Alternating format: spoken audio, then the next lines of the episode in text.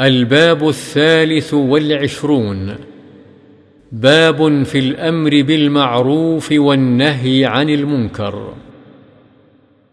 عن أبي سعيد الخدري رضي الله عنه قال سمعت رسول الله صلى الله عليه وسلم يقول من رأى منكم منكرا فليغيره بيده فإن لم يستطع فبلسانه فإن لم يستطع فبقلبه وذلك أضعف الإيمان. رواه مسلم.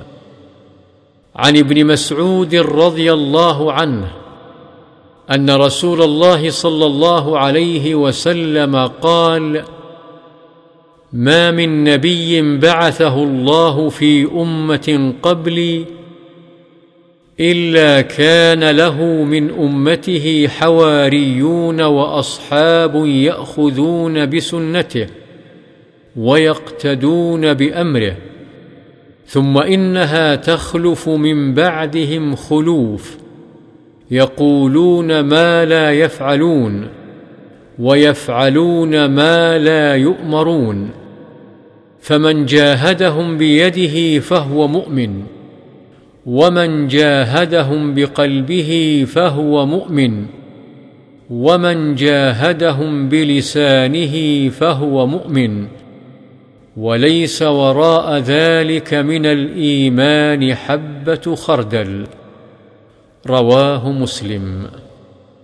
عن أبي الوليد عبادة بن الصامت رضي الله عنه قال بايعنا رسول الله صلى الله عليه وسلم على السمع والطاعة في العسر واليسر والمنشط والمكره وعلى أثرة علينا وعلى ألا ننازع الأمر أهله إلا أن تروا كفرا بواحا عندكم من الله تعالى فيه برهان وعلى أن نقول بالحق اينما كنا لا نخاف في الله لومة لائم.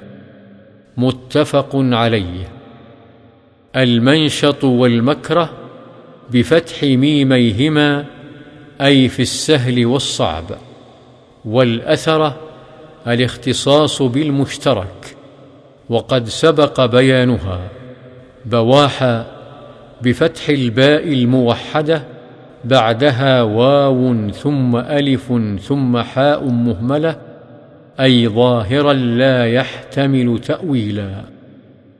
عن النعمان بن بشير رضي الله عنه عن النبي صلى الله عليه وسلم قال مثل القائم في حدود الله والواقع فيها كمثل قوم استهموا على سفينة فصار بعضهم أعلاها وبعضهم أسفلها فكان الذين في أسفلها إذا استقوا من الماء مروا على من فوقهم فقالوا لو أنا خرقنا في نصيبنا خرقا ولم نؤذ من فوقنا فإن تركوهم وما أرادوا هلكوا جميعا.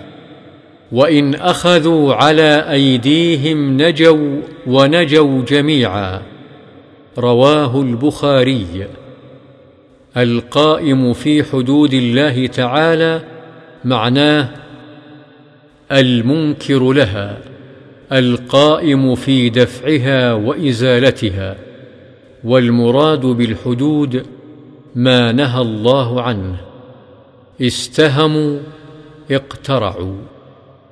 عن أم المؤمنين أم سلمة هند بنت أبي أمية حذيفة رضي الله عنها عن النبي صلى الله عليه وسلم أنه قال إنه يستعمل عليكم أمراء فتعرفون وتنكرون. فمن كره فقد برئ ومن أنكر فقد سلم ولكن من رضي وتابع. قالوا يا رسول الله ألا نقاتلهم؟ قال لا ما أقاموا فيكم الصلاة. رواه مسلم. معناه من كره بقلبه ولم يستطع إنكارا بيد ولا لسان فقد برئ من الإثم وأدى وظيفته. ومن أنكر بحسب طاقته فقد سلم من هذه المعصية. ومن رضي بفعلهم وتابعهم فهو العاصي. عن أم المؤمنين أم الحكم زينب بنت جحش رضي الله عنها أن النبي صلى الله عليه وسلم دخل عليها فزعا. يقول لا إله إلا الله ويل للعرب من شر قد اقترب. فتح اليوم من ردم يأجوج ومأجوج مثل هذه وحلق بأصبعه الإبهام والتي تليها. فقلت يا رسول الله أنهلك وفينا الصالحون؟ قال نعم إذا كثر الخبث. متفق عليه. عن أبي سعيد الخدري رضي الله عنه عن النبي صلى الله عليه وسلم قال إياكم والجلوس في الطرقات. فقالوا يا رسول الله ما لنا من مجالسنا بد نتحدث فيها. فقال رسول الله صلى الله عليه وسلم فإذا أبيتم إلا المجلس فأعطوا الطريق حقه. قالوا وما حق الطريق يا رسول الله؟ قال غض البصر وكف الأذى ورد السلام والأمر بالمعروف والنهي عن المنكر متفق عليه. عن ابن عباس رضي الله عنهما أن رسول الله صلى الله عليه وسلم رأى خاتما من ذهب في يد رجل فنزعه فطرحه وقال يعمد أحدكم إلى جمرة من نار فيجعلها في يده؟ فقيل للرجل بعدما ذهب رسول الله صلى الله عليه وسلم خذ خاتمك انتفع به. قال لا والله لا آخذه أبدا وقد طرحه رسول الله صلى الله عليه وسلم. رواه مسلم. عن أبي سعيد الحسن البصري أن عائذ بن عمرو رضي الله عنه دخل على عبيد الله بن زياد فقال أي بني إني سمعت رسول الله صلى الله عليه وسلم يقول إن شر الرعاء الحطمة فإياك أن تكون منهم. فقال له اجلس. فإنما أنت من نخالة أصحاب محمد صلى الله عليه وسلم. فقال وهل كانت لهم نخالة؟ إنما كانت النخالة بعدهم وفي غيرهم. رواه مسلم.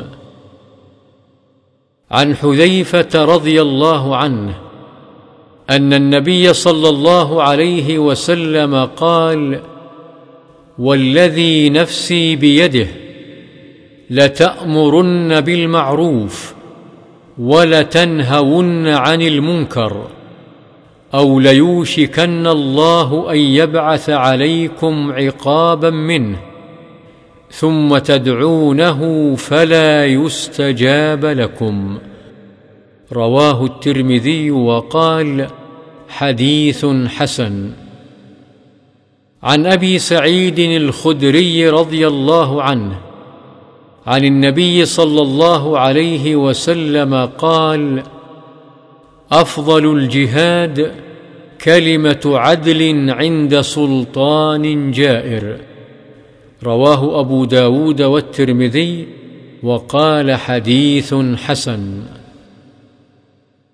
عن أبي عبد الله طارق بن شهاب البجلي الأحمسي رضي الله عنه أن رجلا سأل النبي صلى الله عليه وسلم وقد وضع رجله في الغرز أي الجهاد أفضل؟ قال كلمة حق عند سلطان جائر. رواه النسائي بإسناد صحيح. الغرز بغين معجمة مفتوحة ثم راء ساكنة ثم زاي وهو ركاب كور الجمل إذا كان من جلد أو خشب وقيل لا يختص بجلد وخشب. عن ابن مسعود رضي الله عنه قال قال رسول الله صلى الله عليه وسلم إن أول ما دخل النقص على بني إسرائيل أنه كان الرجل يلقى الرجل فيقول يا هذا اتق الله ودع ما تصنع فإنه لا يحل لك ثم يلقاه من الغد وهو على حاله. فلا يمنعه ذلك أن يكون أكيله وشريبه وقعيده. فلما فعلوا ذلك ضرب الله قلوب بعضهم ببعض ثم قال لعن الذين كفروا من بني إسرائيل على لسان داود وعيسى بن مريم ذلك بما عصوا وكانوا يعتدون. كانوا لا يتناهون عن منكر فعلوه لبئس ما كانوا يفعلون. ترى كثيرا منهم يتولون الذين كفروا لبئس ما قدمت لهم أنفسهم. إلى قوله فاسقون. ثم قال كلا والله لتأمرن بالمعروف ولتنهون عن المنكر ولتأخذن على يد الظالم ولتأطرنه على الحق أطرا ولتقصرنه على الحق قصرا أو ليضربن الله بقلوب بعضكم على بعض ثم ليلعننكم كما لعنهم رواه أبو داود والترمذي وقال حديث حسن هذا لفظ أبي داود. والحديث في سلسلة الأحاديث الضعيفة للشيخ الألباني. ولفظ الترمذي قال رسول الله صلى الله عليه وسلم لما وقعت بنو إسرائيل في المعاصي نهتهم علماؤهم فلم ينتهوا فجالسوهم في مجالسهم وواكلوهم وشاربوهم فضرب الله قلوب بعضهم ببعض ولعنهم على لسان داود وعيسى بن مريم ذلك بما عصوا وكانوا يعتدون. فجلس رسول الله صلى الله عليه وسلم وكان متكئا فقال لا والذي نفسي بيده حتى تأطروهم على الحق أطرا. قوله تأطروهم أي تعطفوهم ولتقصرنه أي لتحبسنه. عن أبي بكر الصديق رضي الله عنه قال يا أيها الناس إنكم تقرؤون هذه الآية يا أيها الذين آمنوا عليكم أنفسكم لا يضركم من ضل إذا اهتديتم وإني سمعت رسول الله صلى الله عليه وسلم يقول إن الناس إذا رأوا الظالم فلم يأخذوا على يديه أوشك أن يعمهم الله بعقاب منه. رواه أبو داود والترمذي والنسائي بأسانيد صحيحة.